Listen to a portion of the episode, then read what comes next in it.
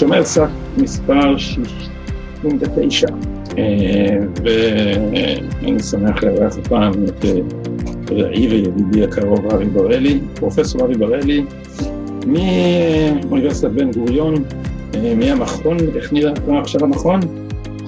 מכון בן גוריון לחקר ישראל והציונות. שפעם נקרא מדרשת בן גוריון, נכון? זה היה גלגול. שייך לאוניברסיטה, והוא נמצא בשדה בוקר, ביישוב שליד הקיבוץ שנקרא מדרשת בן גוריון. יש שם סבכים שלמים. מוסדיים. מוסדיים, כן. אבל זה כן. נכון של אוניברסיטה. חשבנו לפתוח את השיחה במאמר האחרון שלך, זה היה, כן, האחרון, בישראל היום, שעסק בשאלה איך קרה שמפלגת העבודה המפלגה שהקימה את המדינה אה, הגיעה למצב שבו היא מרפרפת באזור אחוז החסימה ולא ברור אם, אם תשרוד אותו אה, או לא. ו, ו, ואתה כותב על זה לא רק מאמרים בעיתונות, הדוקטורט שלך, שהיה לי הכבוד והעונג, משהו בעובי כזה, נכון כזה, אני מגזים, אה, משהו כזה, ספר שנקרא מפא"י בראשית העצמאות, ו... אה, ומנסה לזכור אה, אולי בצורה יותר מפורטת מכל מי שנגע בזה לפניך את הטרנספורמציה שעברה מפא"י בשנים הראשונות ממפלגה אה, דמוקרטית למפלגה שיש בה מנגנון היררכי הרבה יותר חזק. אני מסכם נכון את עיקר התזה? אתה יכול להגיד מתנועה, שתנועת העבודה באמצעות הארגון הראשי של המפא"י עברה מפאזה של תנועה לפאזה של ארגון סמי-שלטוני ומפלגה, מפלגת מנגנון, אה, כן, היררכית ביותר, כן, זה בעצם. אה, במאמר שלך אתה, אתה אומר שיש, במאמר הקצר בישראל היום, זה, אני חייב להחמיא לך על הכתיבה, כי אתה מצליח ב-500 מילה להגיד כל כך הרבה, אז בעצם אתה אומר, יש... אה, את הסגנון, את, ה, את ההכרח להגיד הכל בקצרה, אחרי שכתבתי ספרים ארוכים, זה בעיניי, אני ממש נהנה מזה אפילו. כן, זה, זה מכריח אותך כאילו ללטש יהלום קטן עכשיו, ואין... זה, זה מדהים איך כתיבה תופסת את הנפח המוקצה לה, אתה יודע, אני, אתה בטח תמיד מרגיש שאתה כותב 520 מילה, אני קורא את מאמריך, אני יודע שאתה די מדייק ב-520 מילה האלה, ואתה מרגיש שאתה תופס את כל הנפח. אני, אותו דבר, אני, אני כותב בדרך כלל 1,200 מילה, ואני גם מרגיש שזה בדיוק כמה ש... על, על, על המילה האחרונה, אני מצליח להגיד את מה שרציתי. אז במאמר הקצר על זה, אתה, אתה בעצם אומר, יש, צריך להסתכל על שלושה אספקטים שבהם אה, מפלגת העבודה אה, השתנתה ואיבדה, אה, או שלוש סיבות לזה שהיא איבדה את המצביעים אה, אה, שלה בעצם. אז מה הן של שלושת התחומים האלה? מדינית, וזה הדבר שהוא רלוונטי למש... לקריסה הנוכחית, אתה יודע, זה, עכשיו זה, זה, אומר, זה כמעט דחייה אם היא לא עוברת את אחוז החסימה, זאת אומרת, זה נחשב הישג עצום, זה לא ייאמן. זה הרנסאנס של מפלגת העבודה, זה אחוז החסימה. צריכה, כן, היא צריכה, עכשיו מרב מיכאלי ממש פרצה דרך, וכנראה שמפלגת עבודה תעבור את אחוז חסיד, זה פשוט לא יאמן. המצ... המשבר, השפל הנוכחי, אה, הוא אה, מתחולל ב-15 שנים האחרונות, אני חושב שהרקע העיקרי שלו הוא מדיני. הצלילה הזאת, מהנקודה שלפני 15 שנה למצב האומלל הזה, כן. המעין ל"ע הזה של מפלגת העבודה, אה, שלא, זה לא יכול להימשך כך הרבה זמן. זה, זה תוצאה של, של המשבר בעקבות קריסה, קריסת האסטרטגיה המדינית שפרס ורבין אימצו באיזשהו שלב בסוף שנות ה-70, תחילת שנות ה-80. בעקבות הפלג המאוד יוני, כי כשמסתכלים על מפלגת העבודה בסביבות 67 ואחרי, אז, אז אתה, אתה רואה שיש אה, את האגף של משה דיין, של הפשרה הפונקציונלית, את האגף של, של, של אלון, של הפשרה הטריטוריאלית, ו- וכשמסתכלים על העיונים, אתה אומר, ספיר, לובה אליאב, מי, זה כאילו, זה, לא, זה, זה לא הקצה. אגף. תראה, זה לא אגף קטן בכלל, ולא מבוטל. ספיר זה היה, כן. בתקופה של מוצאי של ששת הימים, היה האדם החזק ביותר במפלגה. ובכלל, אם אתה מסתכל על האגף הזה, אם אתה רואה אותו, מי יכול להסתכל עליו אפילו אחורה, למצוא לו שורשים אה, בוויכוחים על, הוויכוח, על, ה, על המאבק נגד הבריטים. נתונים, אני יודע איך, אה, קראו להם אה, ויצמניסטים, לא חשוב. יש אגף מתון, נקרא לו עכשיו מתון, למרות שזה שם קצת אה, לא מדויק. אה, תמיד היה אגף מתון מבחינה מדינית בתוך אה, תנועת העבודה. בתוך, בתוך מפא"י ואחר כך מפלגת העבודה, הזרם המרכזי של תנועת העבודה. הוא היה מיעוט, הוא לא היה אף פעם גורם מבוטל. זה לא איזה מיעוט זניח. לא לפני ששת הימים ולא אחרי ששת, הימים, אבל זה היה מיעוט. דרכו לא הובילה את מפא"י. מפא"י הגיעה לניצחונות הגדולים שלה, לא כשהגורם, כשהגוף, כשהאגף הזה בתוך תנועת העבודה הוביל אותו. הוא היה חשוב מאוד. זה אנשים מרכזיים מאוד, שרי האוצר, שרת. שרת, בוא, אני כאילו, אם, לאלה שהמפה שלהם, המפה שלהם יותר גסה משלך, זה שרת מול בן גוריון, ובן גוריון הוביל קו אה, ביטחוניסטי, שרת עד, עד הוויכוחים שלהם בשנות ה-50 דווקא לא היה כזה מתון כמו שעושים ממנו. אה, אבל משנות ה-50 יש בין, על רקע גם אישי, יש בין, שרת תופס את המשבצת הזאת. לא חשוב, זה אגף, האנשים, שרת אם אתה רוצה, קפלן, יש אנשים שפחות מפור, מפורסמים, אבל תמיד היה אגף כזה בתוך מפא"י מפלגת העבודה. הוא לא הוביל אותם. מעולם הוא לא הוביל אותם. לא, אם מסתכלים, אני יודע, משנות ה-20, כשהיא מתחילה לעוד חרדות המדיניות של החשובות של התנועה הזאת, לא, לא הובילו את האגף הזה, אלא אגף יותר, נקרא לו מקסימליסטי, ניצי קראו לו אחרי ששת הימים, אה, ריאליסטי יותר מבחינה מדינית, אם כי אני חושב שכל האגפים במפא"י היו ריאליסטיים. ואז, אה, ואז שמעון פרס ו, ו, ורבין, זה קודם כל שמעון פרס וגרר אחריו את רבין, וזה אה, פרס מתחיל עבר- איפה? שמעון פרס עבר מהפך. כן, שמעון פרס היה זה שתמך בהתנחלויות ורבין התנגד תראה, שמעון פרס, הוא מתחיל להיות אדם עצמאי, שאפשר, הוא מתחיל להיות אדם שקובע את דרכו המדינית בעצמו, בלי קשר לבן גוריון או לדיין, כי גם הוא היה בעצם כרוך, היה קשור בדיין, מאז שדיין, אחרי מלחמת יום הכיפורים. לפני כן הוא, הוא תמיד קשור בהם, יש לו עמדות, הוא לא אדם, אה, הוא לא בובה.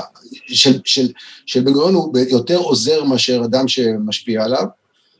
אה, וגם אם דיין, דיין היה בכיר. שמעון פרס אפשר להתייחס אליו כממש מנהיג עצמאי ממוצאי מלחמת יום הכיפורים בממשלה הראשונה של רבין. ואז הוא היה אגב, הוא היה הקוטב הניצי שלה. במומנט שאתה כתבת עליו בספר, של, בספר על המתנחלים, הוא זה שדוחף בתוך הממשלה, אה, אנחנו יודעים את זה גם מהעדויות של חיים גורי, ובכלל, אנחנו יודעים, הוא היה הגורם, האיש של המתנחלים בתוך הממשלה. כן, בגלל זה חתרן בלתי נלאה, נכון? זאת אומרת... אה, גם אולי, היו לו עוד כמה חתירות עליו. אתה יודע מה? כי במקרים האלה, כי במקרים האלה היה אה, ממש דברים שהוא עשה מאחורי גבו של רבין.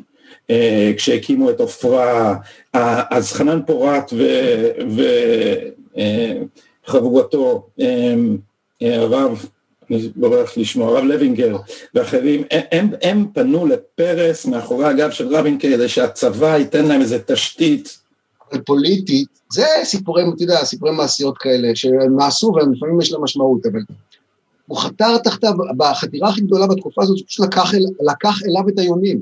הרי היונים היו בעד רבין, ספיר דאג לזה שרבין יחליף את uh, גולדה, ספיר בעיקר, ולא, ולא אה, אה, פרס, מפני שרבין הצטייר להם כיותר יונה, הוא לא היה יותר יונה, היה איזה מושג בתקופה הזאת של יונץ, יונה ניצית או נץ יוני. זאת אומרת, הוא היה לו איזה, איזה עמדה, הוא נראה להם יותר מתאים ל, ל, ל, ליונים, ל, בעיקר לספיר, שהיה איש מרכזי במפלגה, הוא נראה יותר מתון מפרס, ולכן הוא נעשה ראש ממשלה. וכל היונים, יוסי שריד, עוזי ברם, זה השמות היותר מפורסמים מאז, אבל היו עוד, מחריש אם אתה רוצה, הם תמכו, חריש אני לא בטוח, נדמה לי גם כן, הם כולם תמכו ברבין. פרס לקח להם אותו, לקח לרבין את, הניצים האלה, את היונים האלה, והעבירו אותם למחנה שלו, תוך כדי כך שהוא שומר את האנשים שלו שנשארו עדיין ניצים, וככה הוא בעצם רכש את המפלגה. זה החתרן העיקרי מבחינת רבין, וזה קרה בתוך הממשלה שלו, בעיקר לקראת סופה, וביתר שאת לאחר שכבר רבין ירד מהבמה בגלל פרשת הדולרים, כן. פרס נעשה ראש המפלגה. פרס נעשה ראש המפלגה, ואנחנו נכנסים פה כבר ממש לאומים והברגים של זה, אתה רוצה? בקצרה, כן. פרס נעשה ראש המפלגה, והיה לו מפלגה שכבר די נבנתה על בסיס יוני, ספיר שלט במפלגה במשך כ-15 שנה, לא, לא, בשנים הארוכות האחרונות, ממוצאי, מ-65 נניח, ספיר שלט במפלגה, בהדרגה עד אה, התקופה הזאת, והוא מילא, ואת השדרות הארגוניות שלה הוא, הוא עשה יותר ויותר באנשי, באנשי שלמה יוניים, המפלגה, המנגנון שלה נעשה, התומכים שלה היו ניציים, הפוליטיקאים בדרג השני והשלישי היו ברובם ניציים, אנשים כמו הלל, אם אתה רוצה, כל מיני כאלה, אבל המפלגה עצמה הייתה יונית, ועכשיו פרס קיבל אותה להנהגה, והוא רצה לשלוט בה. זה אחד הדברים שאני חושב שהניעו את פרס, הזיזו את פרס, חוץ מהשקפות אה, אסטרטגיות, זה שה constituency שלו, המפלגה, הוא, כדי לשלוט בה הוא היה צריך לשנות את ההשקפות שלו. בכל אופן, אלו השנים, 77, שהוא עובר המרה. כי פרס, פרס לפני כן היה לו תפיסות אה, אה, ביטחוניסטיות וניציות ומקסימליסטיות מובהקות. מ-77, במוצאי 77 הוא נעשה חבר של אה, עמוס עוז, הולך לכיוונים האלה, זה התקופה הזאת. עכשיו, רבין מלכתחילה היה קצת יותר יוני, קצת, אני, אני חושב שהשניים האלה, דרך אגב, הם תואמים סיאמי. אין ביניהם, אין, אי אפשר למצוא ביניהם הבחנות אה, אסטרטגיות אה, מרחיקות לכת. הם, הם בעצם, הם יריבים אישיים, אבל הם חושבים אותו דבר. אז רבין, ובאיזשהו שלב, זו הייתה תקופה שגם רבין נתפס יותר ניצי מפרס. כשפרס היה מנהיג המפלגה, ורבין תמיד היה מספר שתיים שלו, ואחר כך שר הביטחון, הוא כאילו היה ביטחוניסט, הוא היה יותר ניצי. זה הכל דימויים. הם, אבל הם שניהם עברו בהדרגה, כל אחד בדרכו, וכל אחד אולי לא, אני לא יכול לדייק על הצמתים, שינו את התפיסה האסטרטגית שלהם לתפיסה, לאוריינטציה שהיונים הציעו. ומה היונים הציעו? אמרתי יונים, יונים. מה, מה אני, מה אני, מה אני, איך אני אגדיר את היונים האלה? היונים הם אלה שחשבו שצריך לפתוח, מלובה אליה ואילך, הוא היה הנציג העיקרי שלהם בתוך מפלגת העבודה גם אחרי שהוא פרש, או אנשים כמוהו, שמפלגת העבודה צריכה, אה, אה, צריכה לאמץ אוריינטציה פלסטינית, אוריינטציה על התנועה הלאומית הפלסטינית. איתם אנחנו צריכים, אלה בני, אלה, זה האויב שלנו, איתם אנחנו צריכים להגיע להסדר. ומכאן נגזר כל השינוי, מכאן נגזר אוסלו. כמובן, אוסלו, כי באמת זה עם אוסלו. לימים אוסלו הגיע. זה גם שינה את העמדות, כי אם אתה צריך איתם להסתדר, עם, ה, עם ערפאת, עם חממי, עם אה, סרטאוי, ואחר כך אה, אבו מאזן וכל האנשים האלה, אם זה בני השיח שלך, אלה בני השיח שלך, שבת, שבהתחלה, במצב הקודם, אתה, אתה, מפלגת העבודה הייתה המפלגות שאמרו ש, שאסרו על משא ומתן עם אש"ף, בגלל האמנה וכולי. היה איסור על שיח, על שיח עם אש"ף. אנשים כמו אורי אבנרי ולובה אליאב הלכו על סף החוקיות כשהם דיברו עם האנשים האלה. מכאן הם... אבל רגע, אבי, את המפנה הזה העיוני, איפה היית נועץ את הסיכה על ציר הזמן? את האוריינטציה כלפי הפלסטינים בתור מוקד הסכסוך? זה מתחיל ב-77, אבל זה רק מנצנץ אז. אני חושב שממש במוצאי מלחמת, מלחמת לבנון. ככה זה נדמה לי, אני לא חקרתי את זה, לא, אני רק... אני, אני לא... רגע, מוצאי מלחמת לבנון זה דבר ארוך, אתה מתכוון ב-82 עדיין. מי, בתוך מי 82, לא. בשנות ממשלת האחדות. אוקיי. תראה, בדרך כלל אומרים, כישלון ועידת אה, לונדון של, אה, כישלון ההסכם לונדון בין פרס לחוסיין. שאני לא זוכר עכשיו מתי זה, זה נדמה לי, ב... שכחתי מתי זה בשנות ה-80. אה, אה, לא 82, אני יכול לבדוק את זה רגע, כן. לא חשוב, זה, זה, זה, בשנות, זה בשנות ממשלת האחדות. כי זה ניסיון של פרס כשהוא אה, second in command ל, ל, ל, לשמיר, לכפות על שמיר הסכם ששמיר הצליח לבלום אותו עם, עם, עם חוסיין. אבל ההסכם הזה, כפי שכבר אמרו כמה אנשים... אה, אנחנו, זה ב-87. 87 בדיוק. זה, כן. זה, זה, זה אה, בסוף, בשלהי ממשלת האחדות הראשונה, אם כך. ההסכם הזה, זה היה הסכם כדי להכניס את הפלסטינים, כי חוסיין כבר היה כבר תחת, אה, כבר נעתר ללחצים הערבים שהפלסטינים, האש"ף יהיה הנציג של הפלסטינים, כבר ויתר על המאבק שלו עם אש"ף. וההסכם הזה הוא בעצם, אה, אה, אה, הם הסכימו להכניס את אש"ף דרך ירדן, זה האמת של ההסכם הזה. זאת אומרת שיוסי ביילין ופרס אומרים, היו אומרים, אתם, אתם גרמתם לליכוד, אתם גרמתם לו ללכת על האופציה הירדנית, כי סגרתם את האופציה, את האופציה הפלסטינית, כי סגרתם את האופציה הירדנית, זה לא נכון. כי כבר אז הם כבר הלכו על האופציה הפלס, הפלסטינית באמצעות חוסיין. אתה מבין? אה, זאת אומרת שזה קורה תוך, אני לא יכול להגיד לך, זה קשה להגיד, זה תהליך של איטי של, של שינוי אסטרטגיה, אבל זה קורה תוך כדי ממשלות האחדות. אני חושב שזה קורה תוך כדי ממשלות האחדות, כלומר מ-84, זה מוצא מלחמת, זה גם מוצא מלחמת אוקיי, לבנון. ואז, ואז מפלגת העבודה פונה לכיוון הזה, ו-87 זה גם האינתיפאדה, וזה... האוריינטציה, בוא נגיד את זה ככה, מפלגת עבודה במהלך המחצית השנייה של שנות ה-80, מאמצת את האוריינטציה המדינית שהציעו לה מרץ, לובה אליאב, בתוך מפלגת העבודה כשהוא היה, שולמית אלוני, אה, אפילו... שריד. שריד כמובן, כי, כי, כי, כי ספיר לא היה לו את האומץ הזה לדרוש ללכת עם אש"ף. אה, פחות או יותר את האגף הזה בתוך תנועת עבודה, היא מחליטה לאמץ את זה רק במחצית השנייה של שנות ה-80. זה, זה על ציר הזמן. וההחלטה הזאת הוליכה לאוסלו, אוס, זאת אומרת, ההחלטה הזאת כשלה. ההחלטה, האוריינטציה הזאת כשלה. היא, היא, אני, אני לא אומר בהכרח שלא צריך לאמץ אותה, זה לא אומר. אפשר, אפשר לנסות משהו, יש כאן בעיה רצינית, ניסינו לפתור אותו, אותה, אותה בדרך הזאת. נכון שהיו אנשים שאמרו אה, ש, ש, שזה, שזה דרך ללא מוצא. אני הייתי מאלה שחשבו שצריך ללכת בדרך, אגב, גם אתה. נכון. אבל הדרך הזאת מה, ש, מה שהכשיל את מפלגת העבודה זה לא רק שהיא אימצה אסטרטגיה שכשלה, זה יכול לקרות. אני יודע מה, אה, אה, את ויצמן, האסטרטגיה הבריטית הצליחה לו הרבה, במשך תקופה ארוכה, עד, שהיא, עד, שעד, עד הספר הלבן של 39, והיה צריך להחליף אוריינטציה. אוקיי, זה יכול לקרות. והוא, והוא החליף. הם לא החליפו. הבעיה שלהם זה שהם דבקו באוריינטציה הזאת באין אונים, כמו, כמו, כמו, כמו אה, מופנטים, בלי לעשות חשבון אה, נפש, לא להתחרט, להכות על חטא, אלא לבדוק את עצמם פשוט בצורה מאוד פשוטה. ובעצם בעצם לא עזבו אותה, לא אותה עד היום.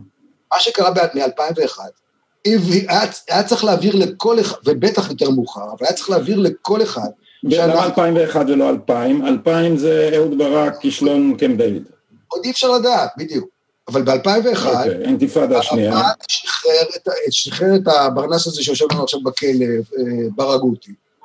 הפת"ח התחיל להתאבד לנו בתוך האוטובוסים, זה היה ב-2001. זאת אומרת, הגורם שעשינו לו, שעשינו איתו הסכם, התחיל, פתח עלינו במלחמת טרור אכזרית, תוך כדי כך שהוא נושא ונותן איתה. ורבין, לא, כבר לא רבין, ברק. ברק, כן. לא, כי אני לא סתם טעיתי כאן, כי... כי היו שני סיבובים של אוטובוסים מתפוצצים, היה אינתיפאדה רבין היו אה, אינדיקציות ברורות שיש כאן מקח טעות, והוא לא דפק את מידע שלו, הוא אפילו לא ניסה לשבור, ללכת על brinkmanship עם הפלסטינים בשום אופן.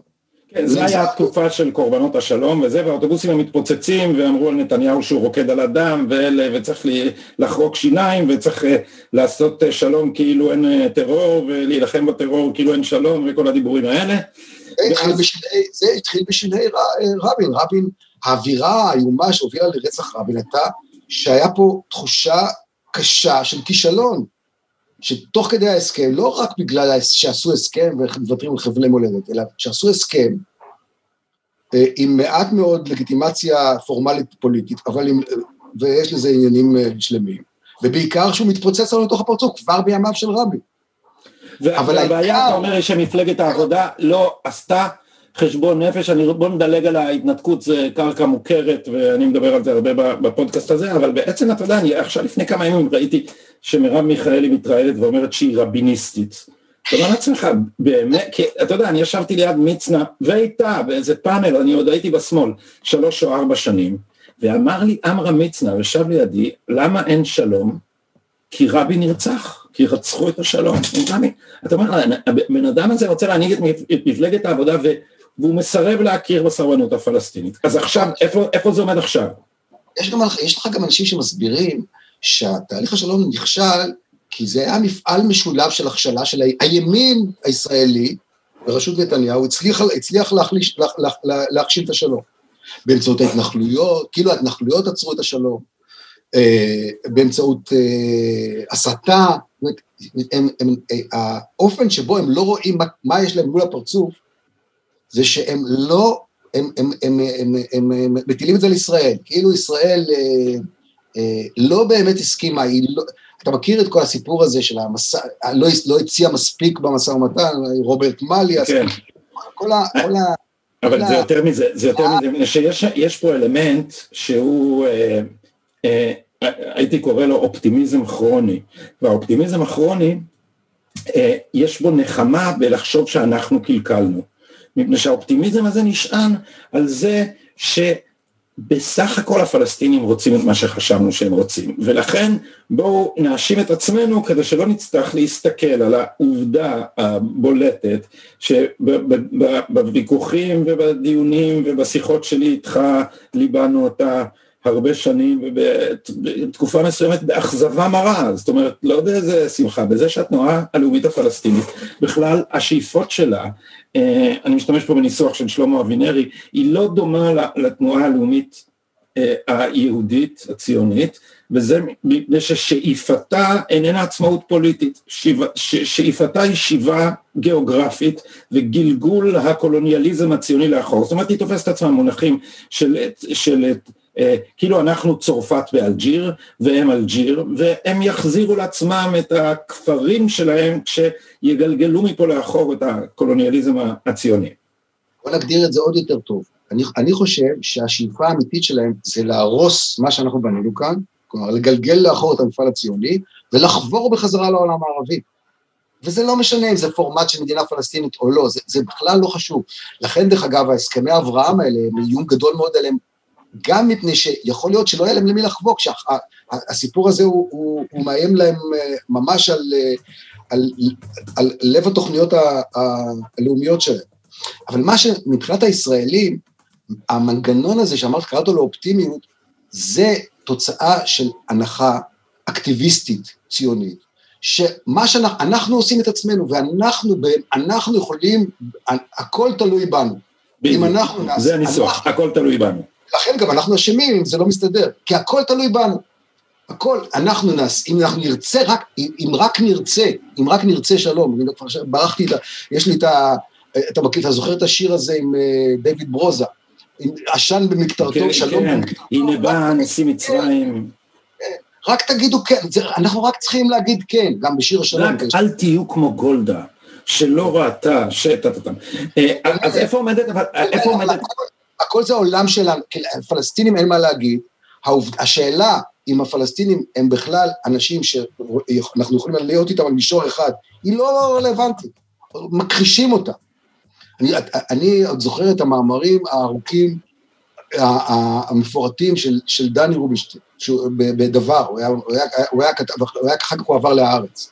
כן, הוא כתב את אחד הספרים הראשונים על המתנחלים. כן, הוא כל הזמן היה מסביר מה, מה שהוא רצה להסביר זה, הוא רוצה להסביר את זה ש, שפה יש קבוצה קונסטרוקטיבית לחלוטין, מה שהם מעוניינים זה לבנות את חייהם. ובכן, לא, כי המציאות לימדה אותנו שלא, אם אנחנו רוצים ללמוד ממנו. ואת זה, ומפלגת העבודה נאח, נאחזה באסטרטגיה של, על התנועה הפלסטינית ככה, כמו משהו זהותי. היום זה מגדיר אותה זהותית. היום זה אז, מגדיר אז אותה... אז איפה זה עומד עכשיו, אבי? איפה... איפה... אני מדבר עם סטודנטים ואני אומר להם את זה, אז אומרים לי, רגע, אז אתה, לא, אתה, אתה לייבור? שואלים אותי. אומר, אני לא לייבור, אני מורה שלכם באוניברסיטה. אבל זה מגדיר, אם אתה, לא, אם אתה חושב שהאוריינטציה הזאת היא לא נכונה, אז סימן שאתה לא, אז אתה לא בתנועת העבודה הציונית, זה פשוט לא, זה מדהים, זה מדהים בתהליך הזה שקרה. משהו זהותי. עכשיו, זה לפי דעתי, וכישלון אוסלו, וחוסר השחר של זה, וזה גורם לזה שיותר ויותר אנשים, יותר ויותר אנשים לא סומכים על המפלגה הזאת כמובן. אז הם עוברים בקלות, הם יכול, יכולים לחזור אליה באיזו קוניונקטורה אל הרצוג שם עם, עם לבני במחנה הציוני, אבל אין להם בכלל, הבייס שלהם, מה שאוהבים לקרוא, הבסיס הפוליטי שלהם, הצטמצם מאוד בגלל זה, ב-15 שנים האחרונות, אבל יש להם גם תהליכי, זה, זה לא מתמצא כמובן בזה, יש גם קודם כל תהליך מעמדי שכרסם את, את, את מפלגת העבודה. או, ויש... רגע, אז אני רוצה לסמן פה, סליחה, כוכבית, שאנחנו עוברים לסיבה השנייה. הסיבה השנייה היא, אה, ומאחר שאתה היסטוריון של מפלגת העבודה וסוציאל דמוקרט בהשקפותיך, אתה ניצב משמאלי בהשקפות הכלכליות שלך, אז השאלה המעמדית אה, מתנסחת אצלך במונחים האלה, ואני מוצא את עצמי מתקרב לזה כי אני מבלה המון בוויכוחים עם אה, אבישי בן חיים, שאני חושב שיש לו הרבה תובנות חשובות, והיום התווכחתי איתו ויכוח ארוך, אני אגיד לך בסוגריים על מה היה הוויכוח הזה, כי אני אמרתי דבר שמאוד הרגיז אותו בטוויטר, דווקא זה ויכוח שהתחיל מזה שבן דרור כעס עליו. בן דרור אמר לו, מה אתה מאמץ את הטרללת השמאלית, שהיא דבר מפלג ומפצל של הפוליטיקה של הזהות. ואז התערב יונתן יעקובוביץ', שהוא ראש המרכז למדיניות הגירה ישראלית. הוא אומר, אני, התחילו להגיד לי, האשכנזי, בגללך, אומר לאבישי, התחילו להגיד לי, אני, אני נלחם בשוחות עם שפי פז, אני הכי דרום תל אביב, פתאום אומרים לי, לא, אתה מהאליטה, אתה פריבילגי, אתה, אתה זה וזה. ו, ו, והם תקפו את, את אבישי, ואני חושב שאבישי צודק בזה שהוא מזהה אצל האליטות יורשות מפלגת העבודה, נימות גזעניות, אתה יודע, כשיוסי ורטר כותב, כל האוחן, שעכשיו גדעון סער יעשה ליכוד תרבותי, בלי כל האוחנה והביטן והאמסלם והרגל, אנחנו יודעים שקוראים לה סיבוני הרי, כל הדבר, הוא כאילו לא, הם לא שומעים את, ה, את הנימה. אבל מתי אבישי התעצבן? הוא לא התעצבן, אתה יודע, הוא לא מתעצבן, הוא, הוא אדם כל כך מקסים, אבל מתי, מתי, מתי הוא חלק עליי? אה, בזה שאמרתי לו ש, שיש איזה באג בתיאוריה של ישראל השנייה, והבאג הוא שהאליטה היא זאת שמטפחת את הפוליטיקה של הזהות. ו, ו, ו, ואז הוא אמר לי, אבל מה אתה מדבר?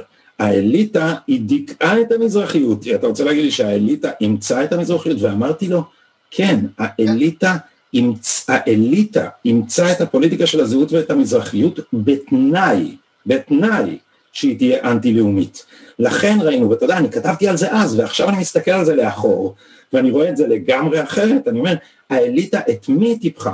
היא טיפחה את סמי שלום שטרית, היא טיפחה את הסוציולוגים הביקורתיים, היא טיפחה את הקשת המזרחית, היא טיפחה כל מי שהיה מוכן לנסח את המזרחיות כהתנגדות לכור ההיתוך. עכשיו הדבר הזה התנגש ישירות במזרחיות האמיתית, וזה הניסוח האחר של הוויכוח שלי עם אבישי, וזה ש... המוני המזרחיים, השכבות העממיות המזרחיות, הם, הם בעד כור ההיתוך, בניגוד גמור לכל מה שמכרו לנו הסוציולוגים הביקורתיים למיניהם, אלה השכבות שהן לאומיות, ופה אני לא יודע מספיק, אבל אני כל הזמן חוזר בתחושה לזה שזה חוזר לדבר היסודי, שאצל האשכנזים היה קודם הסכיזמה של ההשכלה, שנפרדה מהאורתודוקסיה והסכסוך ביניהן, ואחר כך הציונות צמחה כמו נבט של, אני לא זוכר איך קוראים לזה, הרכבה בחקלאות, מתוך ההשכלה, ופה היה סכסוך. ולעומת זאת, כשאתה מקשיב לאנשי ש"ס, אתה, אתה רואה חרדים ציונים. כי אין, זה לא, יש איזה משהו בתפיסה המסורתית שלהם, שהלאומיות היא צמחה מתוך הדת ולא בניגוד לדת. אפילו יכול למצוא הלאומיות בדרגות שונות אצל החרדים האשכנזים, אבל אני רוצה להגיד לך שאתה, נדמה לי שאתה מערבב פה בצורה, ש, דברים שלא צריך, שלא נכון אנליטית לערבב, אתה מערבב את הממד המעמדי עם הממד התרבותי-פוליטי. אה, צריך להבחין ביניהם, זה, זה יתערבב לך בוויכוח עם, עם, עם, עם, עם בן דרום.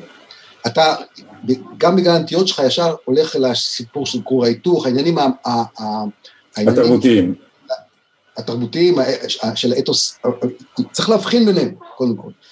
אם אתה שואל, אז אתה הלכת לדבר השלישי, שהוא לפי דעתי השלישי בסדר הכרונולוגי. אה, ש... כן, אז רק נבהיר, כדי, כי אנחנו, שמתודולוגית לא נבלבל את, ה, את, את מאזיננו.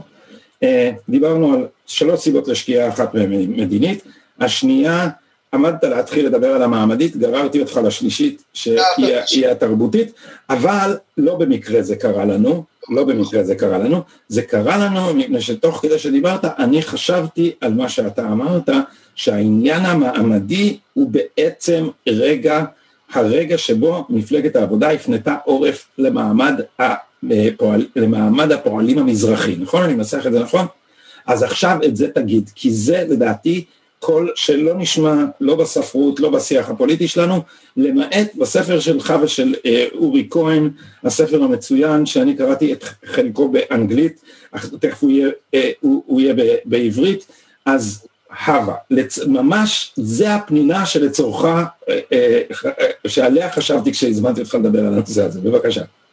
אז תראה, פה צריך לעשות, זה, זה מסובך לדבר על זה בגלל שמדובר פה על כמה עשרות שנים. ויש כאן סיבוך שתכף אני אסביר אותו.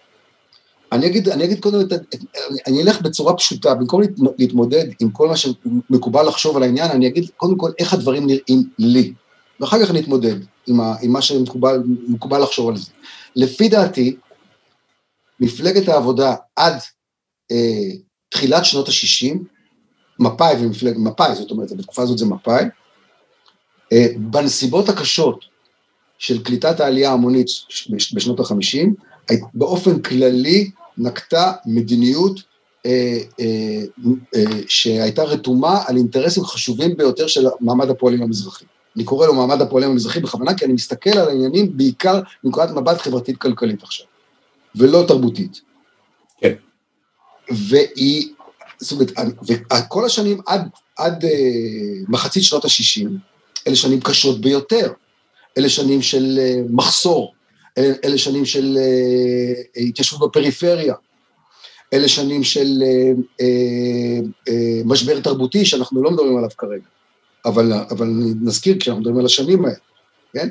אבל בזיכרון הקולקטיבי הישראלי, בשכתוב שלו, תכף נגיע להבדל, אז בסיפור, שאם אתה תשאל מזרחים מצביעי ליכוד, לא רב תרבותיים מהאוניברסיטה שלמדו את זה בקולומביה, החוויה כפי שהיא אה, אה, חיה בזיכרון הקולקטיבי, זה זרקו אותנו למעברות, ושם התחילה ההזנחה. זה, אתה אומר שזה לא בדיוק זה. לא, אני אומר שלא. אני אומר, ש... אני אומר כזה דבר. האשכנזים והמזרחים של היום, ההורים של האשכנזים והמזרחים של היום, חלקם נשארו איתנו עדיין, אה, מצאו את עצמם בשנות החמישים כשני, כשני חלקים של חברת מהגרים אחת, שהם הגיעו אה, חלקם בתקופות שונות, עם פערים, בנקודת המוצא, עם פערים עצומים.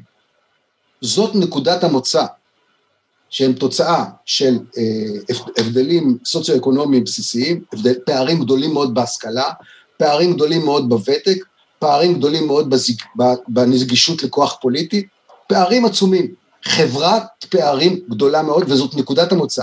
זאת אומרת... וגם בהכשרה המקצועית צריך להגיד, אבי. מה אני כשאני אומר חברה כנקודת מוצא?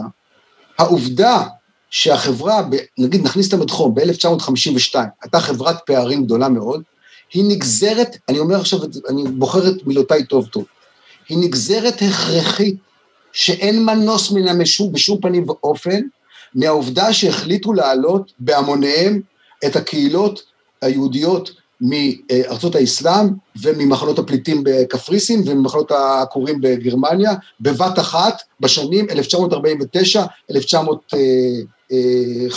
שזה הגל העלייה הראשון. הגל העלייה השני מתחיל פחות או יותר מ-55 עד השנים הראשונות של, שנות ה-60. בגל העלייה הראשון, שזה היה הכפלה של האוכלוסייה, תופעה שאין לה אח ורע בהיסטוריה המודרנית, שאנחנו יכולים לדבר עליה. אולי נדידות שבטים אה, בתקופות קדם, קדם מודרניות. מדובר פה על, על מה שקרה ב-49-52, שנים ספורות, זה תוך שנים ספורות הכפלה של האוכלוסייה, חלק עצום מהאוכלוסייה גר במחנות פליטים שקוראים להם מעברות או, או מחנות בתי עולים, אבל זה מחנות פליטים בעצם. חצי מהאוכלוסייה בערך, עם פערים, פערי השכלה ענקיים, אני לא יכול להביא את הנתונים פה, אבל תאמין לי, יש נתונים על זה, עם, עם פערי נגישות ופר, ו, ו, ו, ועם ניכור הדדי גדול מאוד. ניכור שממשיך, שיש לו, לו אה, תחושה ש, שהאנשים האלה לא, לא שייכים, של חוסר, חוסר זיקה הדדית גדולה. כלומר, יש כאן פער בין האידיאולוגיה הציונית שאומרת לאנשים האלה, גם מתוך הראש שלהם וגם מבחוץ, אלה אחיך, אלה האנשים, אלה האנשים שגם אנחנו צריכים להקים, שביחד אנחנו צריכים להקים אה, אה, חברה פוליטית משותפת, אבל לא מרגישים ככה. זה, עכשיו, זה קורה בשנים ספורות. זאת נקודת המוצא. עכשיו, אם אנחנו מסתכלים על, על תנועת העבודה, עם זה היא מתמודדת. עכשיו, זה, נקודת המוצא הזאת, זה, זה לא רק נתון, זה, היא גם גורמת לה, כי היא זאת שמעלה אותה. דרך אגב, עולים בתקופה הזאת, עולים לא בכפייה, אבל הם מועלים.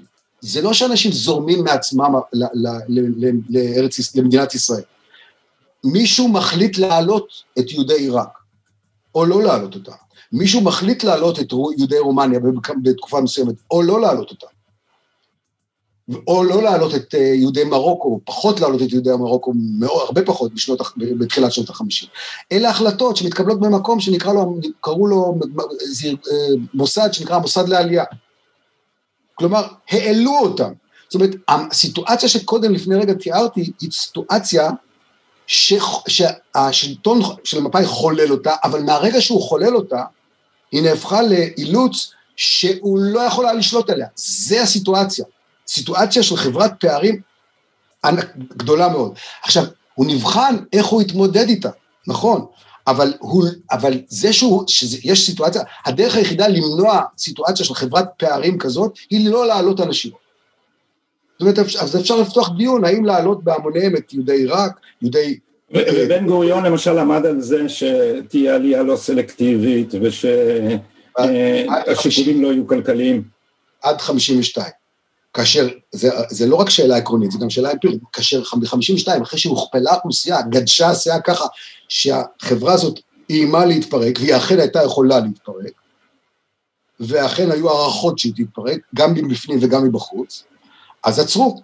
בין 52 ל-54-5, פרקטית נעצרה עליה, יש אה, סלקציה עשו, העלו כל מיני אנשים, אבל בכלל, יש עצירת, הרימו את האנדרקס של העלייה. של, הלא, של ההעלאה, הפסיקו להעלות. צריך להסביר את הדבר הזה טוב טוב, זה חלק מהעניין. כן, אז באמת אבל תסביר אותו, כי, כי, כי חלק מיהודי ארצות המזרח גורשו, אה, ולא הייתה ברירה אלא להעלות אותם, אז פה אתה, איפה היו הקהילות שהתאפשר להן להישאר ולא הועלו? מרוקו למשל, שהייתה תחת שלטון צרפתי בתקופה הזאת. טוניסיה, מרוקו וטוניסיה זה דוגמאות הטובות. אז שם, שם לא היו גירושים. אה, אה, פרס, אה, יהודי איראן. לא היו גירושים, אבל היו, היו התנכלויות והיו... תחת שלטון צרפת, טוב, אנחנו זו פרשה גדולה, תחת שלטון צרפת, טוניסיה ומרוקו, היהודים נחשבו לא כקהילת במצוקה, הם היו מובטחים, יש שלטון ששומר עליהם. בסדר, יכולים לקרות כל מיני דברים, אבל תראה, בטריפולי היה, היו פוגרומים, בתימן היו פוגרומים ב, ובעיראק לא הרבה זמן לפני כן, ב-41, ובעיראק היה מצב של שלילת אזרחות, כלומר, אה, סוג של שלילת אזרחות, הודיעו להם, מי שרוצה, אה, מי שרוצה לצאת, אה, שיירשם לוויתור על האזרחות, וההרשמה הזו הייתה תוצאה של כמה טראומות שלמות סביב מלחמת העצמאות, כלומר, יהודי עיראק למעשה קצת אה, צריך להסביר את זה קצת יותר בפירוט, לא נעשה את זה כאן, אבל יהודי עיראק למעשה גורשו, זה סוג של גירוש מה שקרה שם. כן, אוקיי, אבל אנחנו נכנסים לסמטה צדדית, כי, כי, כי העלייה, אתה אומר, הופסקה ב-52, אבל... זה מלך של הדברים, היא לא צדדית בכלל. כי... כן, לא, לא, אה, אה, אבל לא, בשאלה של מאיפה העליות היו בגירוש ומאיפה אפשר לעצור אותם, כי הדבר ש... אה, שאתה אומר ומפתיע במאמר הוא שבכל התקופה הראשונה אה, המזרחיים הצביעו בהמוניהם למפלגת העבודה מתוך תחושה של הכרת תודה אבל גם מתוך אינטרס רציונלי, זאת אומרת, תמיד, אתה יודע, יש כל ה... עד היום יש את הנטייה לאליטה להסביר את כל ההצבעה המזרחית כאיזה דבר אמוציונלי, כמו זה אבא, זה, אה, זה, זה רגשי, זה חסר מנהיג, זה כל מיני זה, אבל ההצבעה, אתה אומר, בניתוח אינטרסים כלכליים הייתה רציונלית. והתמיכה במפלגת העבודה הייתה אמיתית וגורפת, זאת אומרת, זה לא היה זעם על המעברות, בגדול, אני אומר, בגדול, אנחנו מדברים בגס. אז אה, בגדול האוכלוסייה הזאת תמכה במפלגת העבודה, עד שמפלגת העבודה, אתה אומר במאמר, בגדה בה, הפנתה לה עורף. מתי ואיך הדבר הזה קרה? לא, אני, אני חייב פה להגיד כאן משהו. בבקשה. על הסיכום שלך. קודם כל, זה לא מפלגת העבודה, זה מפא"י, צריך לזכור. מפלגת העבודה מתחילה כן. ב-68, אבל... אה, אה, זה לא שהמזרחים היו איזה, איזה, איזה, איזה עדר צאן של כבשים, עדר כבשים כזה, שאמרו תודה למי שהביא אותנו, ולא, היו ואדי סאליב ב-59, ולפני כן גם היו כל מיני, היו, היו התנגדויות, היו תחושות קשות של מרירות, ישר במעברות, אנשים לא ישבו בתוך המעברות והיו שבעי רצון. אבל עובדה היא שהמפלגה המזרחית הגדולה ביותר הייתה מפא"י, כלומר, מבחינת האלקטורט, מבחינת ההצבעה, רוב המזרחים הצביעו בעד מפא"י. המפלגות הגדולות היו מפא"י, ואחריה בהפרש אה, גדול חירות, וגם אחדות העבודה קיבלה, יודעת איזו מפלגה קטנה שקיבלה. איך זה קרה? זה לא קרה רק מפני שאנשים פחדו עם, עם, עם הפנקס האדם כמו שמוכרים לנו כל הזמן. הרי אומרים לנו, הם, הם, כן, הם הצביעו, כי אחרת הם לא מקבלים עבודה. המרב, מרבית האוכלוסייה המזרחית חיה במקומות כאלה שאי אפשר היה לעקוב אחרי ההצבעה שלהם. אם איזה, במושב בהרי ירושלים, יכול להיות שהוא היה, לא היה מצביע מפא"י, אז הם לא היו מקבלים מכסות אה, לביצים, אני מבין. אז אולי זה, כולם, כל ה... כמה חמולות שם הצביעו בעד, אה, כמה משפחות רחבות הצביעו שם בעד אה, מפא"י. אבל רוב האוכלוסייה המזרחית גרה במקומות כמו אה, אני לא יודע מה, אור יהודה, אה, אה, קטמונים, באר שבע, ושם הם לא, אי אפשר, לא היה פיקוח על הדבר הזה.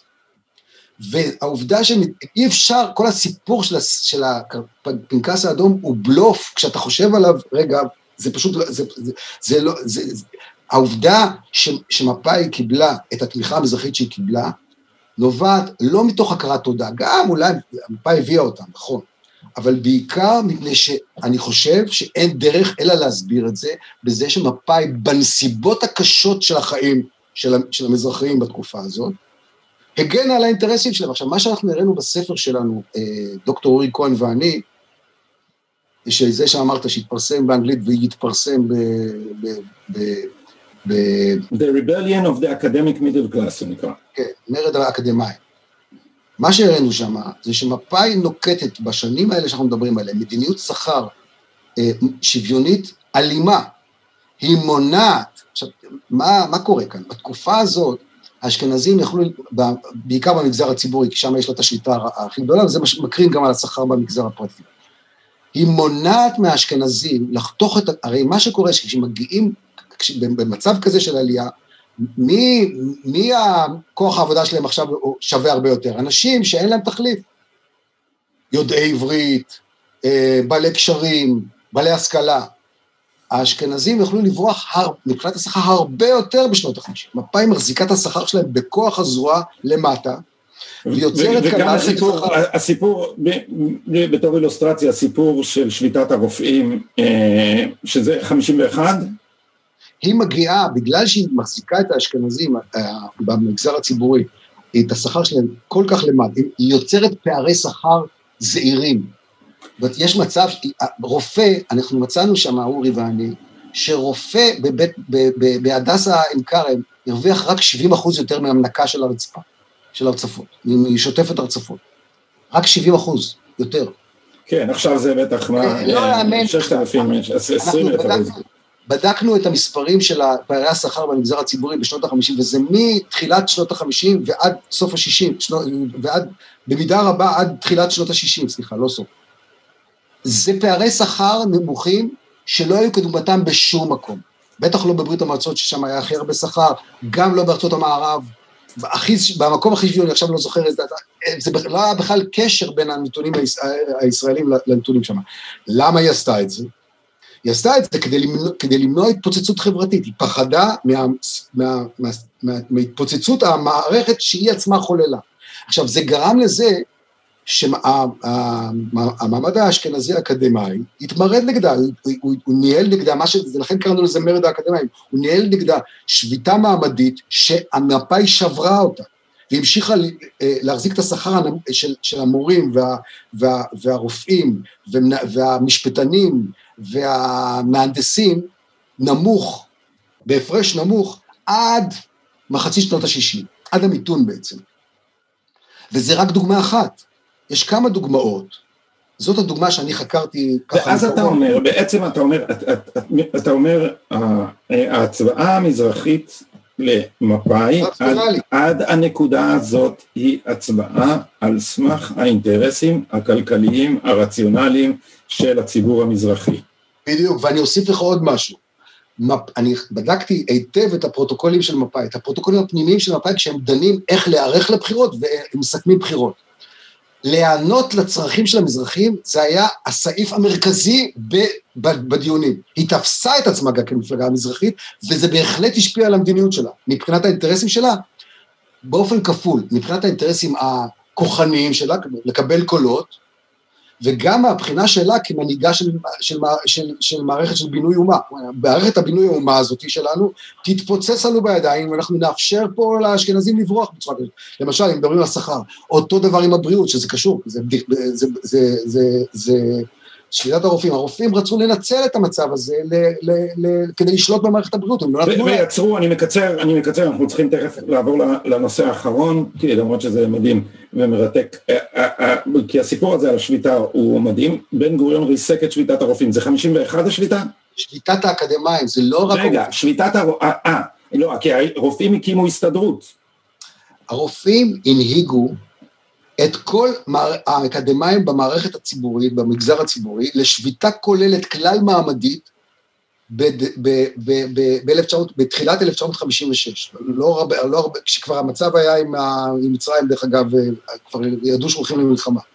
שביתה כוללת של כל המ... זו הייתה שביתה מעמדית, וגם לפי דעתי הדתית.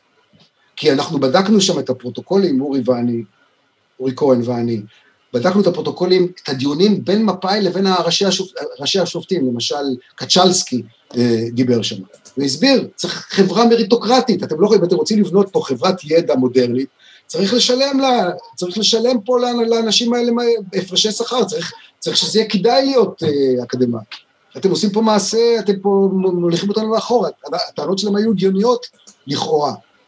והם... למה לכאורה? הטענות שלהם גם היו הגיוניות. הן לא היו הגיוניות.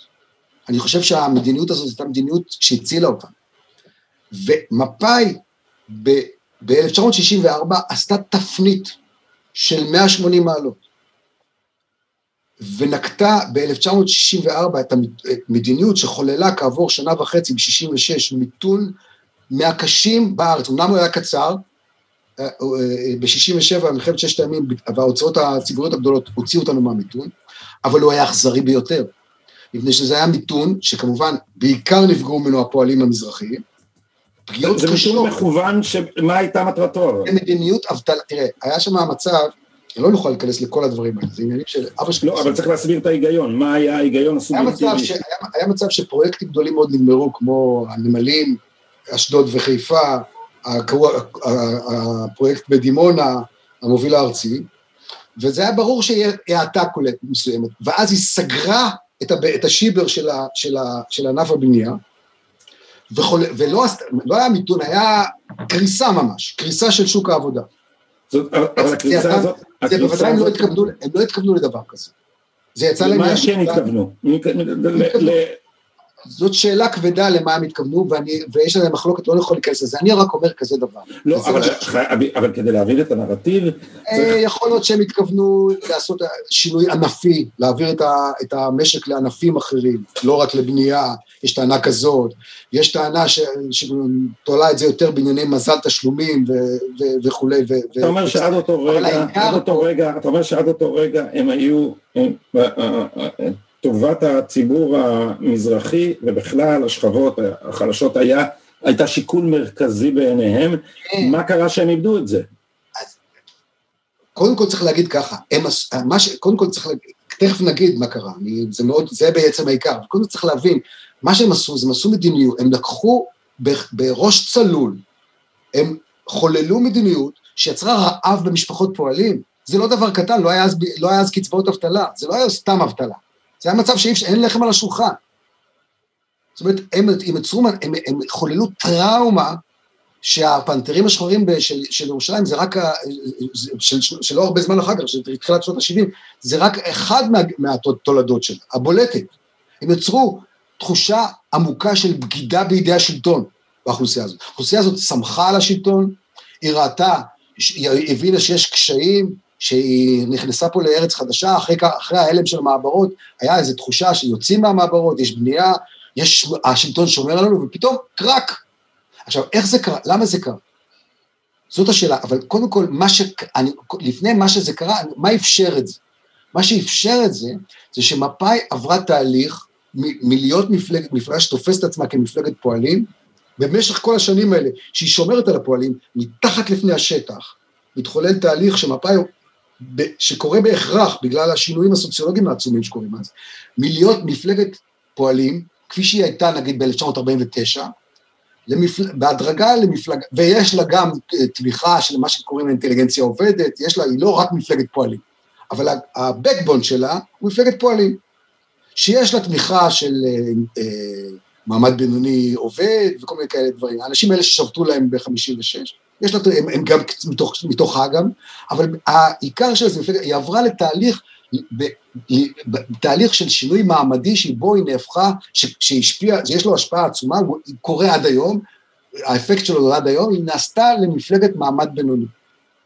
וה, עכשיו מעמד בינוני גבוה? ובהדרגה גם גבוה, כן, עם תהליכי ההתעשרות של אותם אנשים.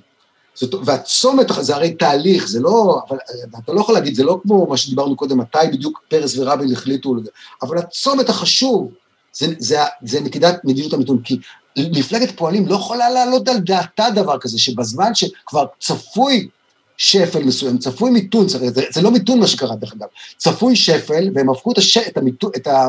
סליחה, צפוי מיתון מסוים, והם הפכו אותו למשבר גדול מאוד. ביודעין, הם, הם לא יכולו, לא, אני לא יכול להעלות על דעתי, אולי השיעור שלו יצא להם מכלל שיטה, אבל הם ידעו שהם מכים מכה קשה מאוד משפחות פועלים. כי מה? כי זה מדיניות שמרנית מבחינת הפיסקלית, כי, אה, כי זה מדיניות אנטי-אינפלציונית, מה, מה... היה להם מדיניות אנטי-אינפלציונית גם ב-1952, ישר אחרי העלייה הם גם כן הרגישו משבר פיסקלי, משבר פיסקלי זה לא רק עניינים אידיאולוגיים, יכול להיות מצב שאתה לא יכול לקנות אה, חיטה, להביא אוניות חיטה לארץ או אין לחם. אז משבר פיסקלי בשנים האלה הוא לא רק אה, גם האנשים שרצו להעלות בהמוניהם את האנשים, עצרו ב-52, כי היה, פחדו ממשבר פיסקלי ועשו מדיניות מצמצמת. זה לא העניין, אבל הם לא עשו משבר כזה, עשו, היה אבטלה מסוימת והיא חלפה מהר, תוך, תוך זמן קצר, ולא בצורה טראומטית כזאת. פה היה משבר טראומטי, ושה, והמחליטים לא יכלו, הדרך היחידה שאני יכול להסביר לעצמי אותה, אותה את, את ההתנהלות הזאת של השלטון, זה שבסופו של דבר לתודעה שלהם חדרה סוף סוף העובדה שהם כבר לא מפלגת פועלים. תראה, האנשים מחליטים, גם ב-49 לא היו פועלים.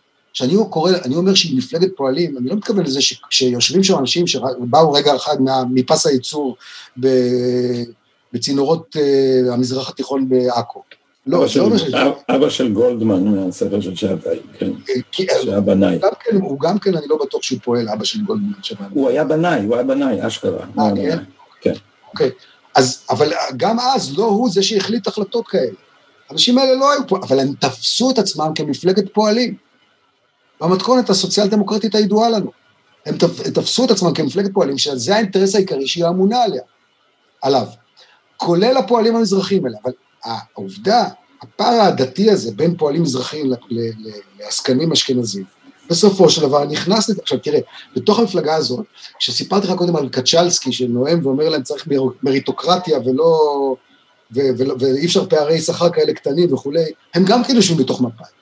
זאת אומרת, לאנשים האלה יש גם השפעה בתוך, זה מפה היא לא רק מפלגת פועלים בלבד, זה לא, היא מפלגה רחבה, אחרת היא לא הייתה מפלגת שלטון. מפלגת שלטון, היא מפלגת שלטון שהבסיס שלה הוא מעמד ההסתדרות והפועלים המאורגנים. לאט לאט, האנשים האלה שנשברו בשליטה ב-56, זה בעצם היה שירת הברבור, כך קראתי לזה בספר בכותרת, זה היה שירת הברבור של מפא"י בתור, בתור מפלגת הפועלים. לאט לאט הם כבשו אותה מבפנים.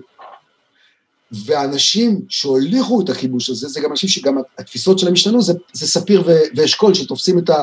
שנעשים האנשים הדומיננטיים במפא"י במחצית שנות ה-60, והם אלה שעושים איתם את המיתון. ומאז, ומאז מפלגת העבודה במידה גוברת והולכת, היא נעשית מפלגה של המעמד הבינוני ואחר כך הבינוני גבוה והיום היא בעצם כמו מרץ, זה שכבה עליונה שאני קורא לה הניידים כמו שאתה יודע, שהיא שכבה עליונה כלכלית הכי מעודכנת בתפיסות האופנתיות ובעצם היא מייצגת מה שבאמריקה קוראים אה, פרוגרסיביים, מה שמוביל אותנו שוב, כמו שהחיבור בין הדתי למעמדי היה ב, ב, ב, בדיון שלנו ביחס של המפלגה למזרחים, עכשיו הוא ביחס של המפלגה לפוליטיקה של הזהות, או אה, בכלל הלאומיות, נכון? כי הסעיף השלישי שאתה מונה, שמפלגת העבודה הפכה בעצם תרבותית, היא הפכה למה בדיוק? זאת אומרת, היה לנו אה, מדיני, מעמדי ועכשיו תרבותי. אז מה קרה לתרבותית? אה, יש תהליך, אה, יש פה תהליך של ערעור הזהות הציונית של מפלגת העבודה. זה תהליך הדרגתי שמתחולל גם הוא פחות או יותר משנות ה-80, והוא איטי מאוד, הוא, הוא, הוא בא לידי ביטוי כל פעם בדברים מאוד קטנים, עד שאנחנו הגענו למצב שדוברת בל"ד לשעבר היא מייצגת אותה ב, ב, ברשימה לכנסת, זה פשוט גם כן, זה, זה, הקצה, זה הקצה האחרון של תהליך, זה, זה פשוט לא יאמן. קשה, אתה נשמט את הלסת שאתה רואה מה קרה למפלגה הזאת. עכשיו, השאלה הכבדה היא איך זה קרה. אה, אני חושב... בוא, בוא נעשה את זה בכמה דקות, אני, כי זה הולך להיות אחת השיחות הכי ארוכות שלי בזה, וזה פשוט נסחפתי אחריך, כי זה מרתק. אני, רק אני אגיד לפרוטוקול שבכל הדיון המעמדי שם אנחנו דילגנו על משהו שקשור ליצירת מדינת הרווחה, אבל אנחנו רק אמרתי את זה לפרוטוקול. אז תגיד לפרוטוקול במבזק מה זה ונמשיך, כדי שבכל זאת אה, מי שמקשיב מהתחלה עד הסוף. בזמן שהיא עברה להיות מפלגת המעמד הבינוני, היא גם כוננה בתחילת שנות, מתחילת שנות ה-70, את מדינת, היא הרחיבה מאוד את מדינת הרווחה, את הסדרי הרווחה בישראל. אבל היא עשתה את זה כדי לנקוט מדיניות ליברלית, לא, לא כדי לנקוט מדיניות סוציאל דמוקרטית. אבל, ומעבר לזה, אני קשה לי להרחיב כאן, זה סיפור... What else is new, לא, כי זה צ'רצ'יל וזה ביסמרק, וזה בסוף מדינות נכון, הרווחה, נכון, מדינות הרווחה באות מהשמרנים ומהליברלים, ולא מהסוציאליסטים. לא, מדינות הרווחה, מדינת הרווחה היא פרויקט משותף של סוציאליסטים וליברלים. מוותר לך, מוותר לך. בסדר. אבל זה סיפור מורכב. זה סיפור מאוד מורכב. אתה צודק. אז אנחנו עכשיו... נחזור לעניין... לעניין התרבותי, ומפלגת העבודה הגיעה למצב שבו אני מנסה להיזכר בנוסח שאתה כתבת, אתה כתבת שהיא... זה יהיה נכון להגיד אנטי-לאומית מתנגדת למשפחה ותומכת בהגירה כמעט בלתי מוגבלת, נכון? אלה היו הסעיפים, זאת אומרת תומכת במסתננים, תומכת ב... פוליטיקה של הזהות, במובן גם הנישואים חד מיניים, הורה אחד בשתיים, כל הדברים האלה, ו, ו, ובעצם אבל היא גם פוסט לאומית. כלומר עוד, כבר... שנייה היא גם תהיה, עוד שנייה היא גם תהיה נגד הרחבת הילודה, אני, הדברים האלה זה, זה עסקת, ההורות, יש להם כל מיני, זה עסקת חבילה שלמה. שזה מיכאלי בעצמה ודבריה על המשפחה, והעובדה שהיא בעצמה, התרכזו נורא על אבישי בן חיים שהוא אמר שזה מעניין שלשתי מפלגות בשתי המפלגות השמאלניות יש נטייה לאי הורות, אני לא אוהב את אני לא אוהב את אני לא אוהב את הערבוב הזה בין הפרטי לאישי, חיי המשפחה שלהם לא מעניינים אותנו, אני לא, לא חושב שאנחנו צריכים לעסוק בזה, אבל בואו... אלא אם כן זה אידיאולוגי, אלא אם כן זה אידיאולוגי. אני מסתכל על אירופה וזה שכל כך הרבה מראשי המדינות באירופה אין להם משפחה, זה אומר, אני בעיניי, זה המצב של אירופה. זה שעוד אין לו ילדים, אז אני מדבר, אבל, אבל כאילו, יש משהו בזה שילדים זה הימור אה, חשוב על העתיד. אבל בסדר, בוא נניח לזה. זה הסוציולוגיה של אירופה, ואני לא אוהב את ה... להתחיל לפשפש לה עם כמה ילדים יש לה, אני לא, לא סובל את זה, זה נראה לי... אבל בואו נדבר רגע אחד על ה... איך... מה קרה שם? או ננסה, ננסה להבין מה קרה שם בכמה דקות, נשארו לנו לא הרבה. נשארו לנו, בואו בוא ננסה לעשות את זה בחמש. אני, יש לי השערות, אני לא יודע, קודם כל זה, זה, זה דבר מפליא. בואו בוא, בוא לרגע אחד נשאר עם הפליאה, זה פשוט מפליא. זאת, זאת, זאת, זאת מפלגה ציונית רדיקלית, מפא"י ומפלגת העבודה, גם מפלגת העבודה. מפלגה ציונית רדיקלית. העובדה, ש, העובדה שחד, שבל"ד וחד"ש, דרך אגב, גם, חד, גם על שלי יחימוביץ' אפשר להגיד את זה, כי שלי יחימוביץ' גם כן היא סוג של, אה, על פי הצהרתה חד"ש. בוגרת חד"ש. כן. זה מדהים. אה, איך אני אסביר את זה? תראה, אני חושב שזה קשור לעניין המדיני, נדמה לי. כי כשאתה נכשל במשהו, אז נורא קשה להודות בכישלון. אבל הקבוצה הזאת, לא, היה לה קשה מאוד להודות בכישלון. אה, זאת קבוצה, זאת קבוצה מנצחת, שיש לה עבר מפואר של הישגים היסטוריים גדולים, ופה יש איזה פלופ נוראי, הסיפור של האסטרטגיה, מה שקראנו לו קודם, האסטרטגיה על התנועה הלאומית הפלסטינית. פלופ מזעזע. אז, נח, אז, אז אפשר להודות בכישלון, זה צריך לזה הרבה מאוד אומץ, לא היה שם את זה, לא היה גם הנהגה לזה. ואם לא, אז נאחזים. עכשיו נאחזים ומתחילים לפתח אידיאולוגיה שמתאימה לסיטואציה, לכישלון הזה. קודם כל אנחנו אשמים, ואז את הבדיקה שאנחנו, העובדה שאנחנו אשמים, אז צריך לבדוק מה, מה היה מקולקל פה מלכתחילה. עכשיו, אה, אם אנחנו אחראים לחלוטין, אם רק אנחנו אחראים למלחמה עם הפלסטינים והערבים בכלל, והיא לא נגמרת, המלחמה הזאת שלא נגמרת, שלא, המלחמה ש, ש, שלעולם לא נגמרת, היא אינסופית, אנחנו לא רואים את סופה. קשה לסבול את זה. קשה לסבול את זה אה, מכל, מכל נקודת מבט, ובעיקר מנקודת מבט של אנשים בעלי, בעלי עולם ערכים כמו שלי, של שמאל, של, של אנשים שמבקשים, אה, ש, שהוא, מה הוא? הוא קודם כל אמונה שאפשר לעשות את הדברים, להסב את החברה לכיוון יותר טוב, ושזה תלוי בנו, שיש משהו אקטיביסטי שאפשר לעשות. אז זה לא קורה, אז כנראה שאנחנו משהו לא בסדר, אנחנו לא עשינו, אנחנו לא רוצים, וכנראה שגם, ובאיזשהו שלב אתה מגיע לאולי הנחות המוצא שלנו, אולי הנחות המוצא שלנו לא נכונות, כלומר, אולי הנחות המוצא הציוניות שלנו לא נכונות. ואז אתה נוטש, זה הדרך שבה אתה נוטש את האתוס המכונן של החברה שלך, ואתה מגיע לניכור איתה. כי מה שקורה למפלגת עבודה היום, לאפיין את זה, זה, זה מה שקרה גם למרץ, במידה רבה מאוד, זה ניכור יסודי לערכים של, של החברה שלה, שלכם, של עצמה, לאתוס הבסיסי שמכונן את החברה שלה. אה, אה, מה, מה, אני, אני זוכר את עצמי, אחרי מלחמת לבנון, מתווכח עם סרבנים, חלקם היו חברים שלי באוניברסיטה בשנות ה-80. אז, והייתי, דווקא הייתי אז אה, אה, יונה מובהקת, הייתי בעד האגף היותר אה, רדיקלי בתוך, אה, הייתי, הצבעתי שלי, אם אתה רוצה, בבחירות הקודמות. הייתי, זה היה השקפות. מה? כן, לא, שלי, לא אליאב. אה.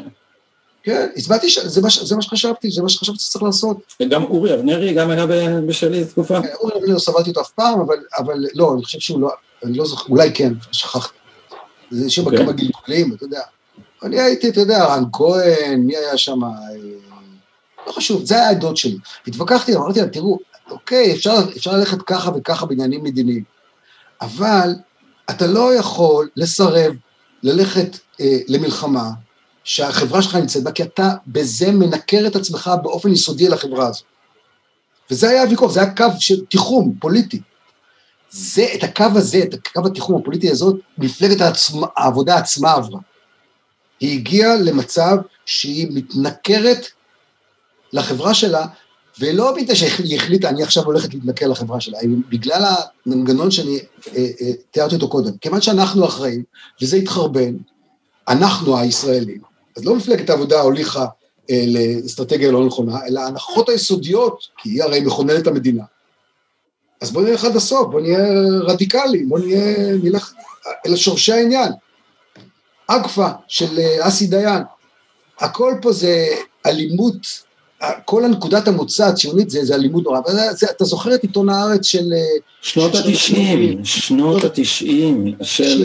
שוחט, אתה זוכר את אורית שוחט. אורית שוחט, אבל זה אורית שוחט, זה מהקצה הזה ועד בני ציפר הזה היה פוסט ציוני, ואיציק לאור היה הגורו שלהם, ואילן פאפה היה מקבל שם במה, וזה כאילו היה לא- אנרגיה של שנאה עצמית. אוקיי, אבל החבר'ה האלה, תראה, למה, זה, וזה קרה בעיתון, וזה קרה בלמונט הישראלי, אז זה היה, כאילו, זה, זה קורה, או, ב, או בוונליר זה קרה. בפנתיאון האקדמי של עלק של, של מדינת ישראל, כביכול. נניח למה האמת בזה. אבל, אבל, אבל זה, זה לא שהאנשים האלה כל כך מוכשרים בתעמולה. אני לא חושב שלאיציק לאור יש איזו יכולת אה, סוגסטיבית גדולה על, על התודעות של האנשים, קצת אולי יש, יש לו. זה נקלט בתוך מפלגת העבודה, כי מפלגת העבודה הייתה גורם מובס. בשנות ה-80 עדיין לא, היא כבר הלכה למאמץ האחרון, להבהוב האחרון הזה, להציל את uh, המפעל הציוני באמצעות uh, האסטרטגיה עם הפלסטינים, אבל אחרי זה, והיא עדיין הייתה ציונית לגמרי, אני לא חושב ש... וזה נגמר, וזה הגיע לזה שמרב מיכאלי קוראת לרוגל אלפר יקירי. כן, אבל למה אתה, מה ההבדל בינה לבין רוגל אלפר? לא, כי היא אומרת על עצמה שהיא ציונית, אני לא חושב שזה, ורוגל אלפר זה הפך, אתה יודע, זה כאילו, זה התרגום הפופולרי לשטרנר. יש הרבה אנשים שאומרים על עצמם שהם ציונים, והציונות שלהם היא על תנאי. זה מה שקורה כאן עם מפלגת העבודה. הציונות שלהם היא על תנאי. או שנצליח, או שאין ציונות. אז עכשיו אני אגיד לך משהו, אז עכשיו אני אגיד לך משהו לסיכום. אם הערבים, אם, אם הפלסטינים רוצים לכפות עלינו מלחמה, אז הם יקבלו מלחמה, כי אנחנו דבקים במי שאנחנו, ואנחנו ציונים. אנחנו רוצים לקיים מדינה אה, יהודית ריבונית, ואם אנחנו לא יכולים, כי הם, יש להם אסטרטגיה אה, אה, מתוחכמת לכרסם בה, אז אנחנו צריכים להילחם בה. ולא להחליט שאנחנו עכשיו אה, אה, אה, אה, מתכנסים בתוך עצמנו ונושכים בבשרנו, שזה בעצם מה שקרה עם מפלגת העבודה. אם אני צריך... אה, אה, אז עכשיו, אז אולי, אולי פשוט מה שקרה, כי אני, אני מסתכל על חלק מהסקרים אה, אומרים עכשיו שמפלגת העבודה תעבור את אחוז החסימה, אבל על חשבון מרץ. זאת אומרת שמרץ לא תעבור את אחוז החסימה. אז בעצם מפלגת העבודה, יש, מפלגת יש העבודה, אבל אולי מפלגת העבודה נעלמה. ומה שמיכאלי עומדת עכשיו בראשו הוא פשוט מרץ, ולכן זה קם לתחייה, כי למרץ יש קונסטיטואנסי, ויש ציבור מסוים שמצביע למרץ, ופשוט הם החליפו את המקומות. מרץ הולכת מוסי רז, כאילו יותר ויותר נהיה לגמרי, לא יודע... כן, אבל, אבל מפלגת העבודה, המפלגה הקרויה מפלגת העבודה, יושבת על מקום מסוים. תראה, תנועת העבודה לא מתה. אתה יודע, היה איזה, היה רב תוניסאי אחד שהיו אומרים עליו, הרב חי טייב לא מת. תנועת אתה יודע, פרנק זאפה אמר את זה על ג'אז. פרנק זאפה, לא. אמר את זה, פרנק זאפה אמר את זה על ג'אז, הוא אמר ג'אז is not dead, it just smells funny. אז זה המצב של מפלגת העבודה, she's not dead, but she smells funny. יש בה, תראה, היא חיה בתוך התרבות שלה. הערכים של הציונות הסוציאליסטית יש להם השפעה עצומה עליך ועליי ועל, ועל, ועל נתניהו. היא חיה בתוך התרבות שלה. הנחות יסוד שלה נמצאות פה, משוקעות בתוך התרבות שלנו, עד לבלי יכולת להפריד. ולכן, והמפל... ולכן אני, אני חושב שבסופו של דבר תוכל לתמוך כאן תנועה אחרת, ובשביל זה הגבייה הנרכבת הזאת שיושבת על המקום שקוראים לו מפלגת עבודה צריכה להיות מפונה. ולכן, אני דווקא לא שבע רצון. אני גם דווקא לא שבע רצון ש... אני שמח אם לא יעברו... אני אומר לך, אני, שאני, רוב חיי הצבעתי, כמעט כל הזמן, אם לא הצבעתי בעד מפלגתו, הצבעתי בעד עם אחד של אה, פרץ. זה ההשקפות שלי. אני אשמח אם הם לא יעברו את אחוז החסימה. האפשרות, דרך אגב, שהם לא יעברו את אחוז החסימה היא אה, אה, שהבוחרים של מרץ שעברו אולי למרב מיכאלי, יראו שהיא לא עוברת, אז הם יבואו אליה, והם שתיהם ישקעו ביחד, כי הם, אתה מבין, זאת אומרת, אה, לא זאת ולא זאת תעבור את אחוז החסימה. אתה, מדבר פה עם אחד שלא יתאבל על הדבר הזה נורא. אני, אבל לא, אני מסיבות אחרות ממך.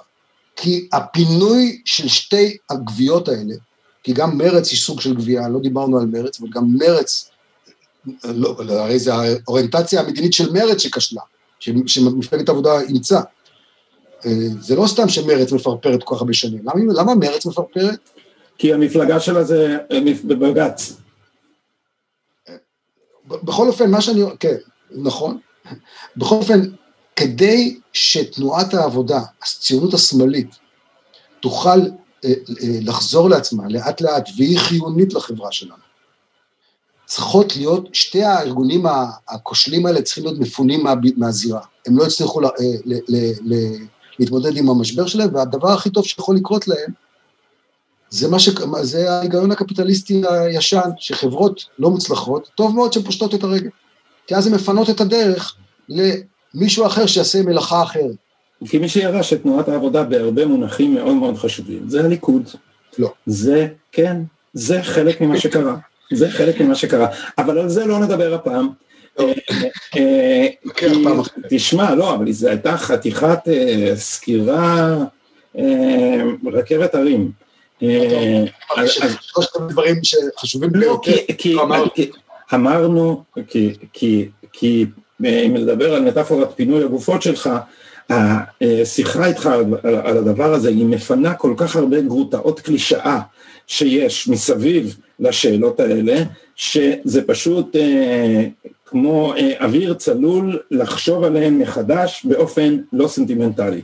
אז אה, אה, ויש משהו בפורמט הזה, כי אנחנו מדברים המון בטלפון, אבל יש משהו בפורמט הזה שמכריח אותנו עכשיו אה, להסביר אחד לשני, או בעיקר אתה להסביר לי בנושא הזה שאתה אתה, אתה ההיסטוריון הכי חשוב שלו. אז, אה, כי, אנחנו צריכים, כי אנחנו צריכים להסביר גם למאזינים. אז, אז, אז זה תענוג, וכפי שאני מוצא את עצמי כמעט בכל סוף פודקאסט אומר, כנראה כי אני נהנה מהפודקאסטים פה, בוא ניפגש עוד פעם בפורום הזה ונמשיך את השיחה. אז אבי, פרופסור אבי ישראלי. בפורום אחרים. בהחלט. אז בנימה אופטימית זאת, תודה רבה לך על השיחה הזאת, לילה טוב. ביי.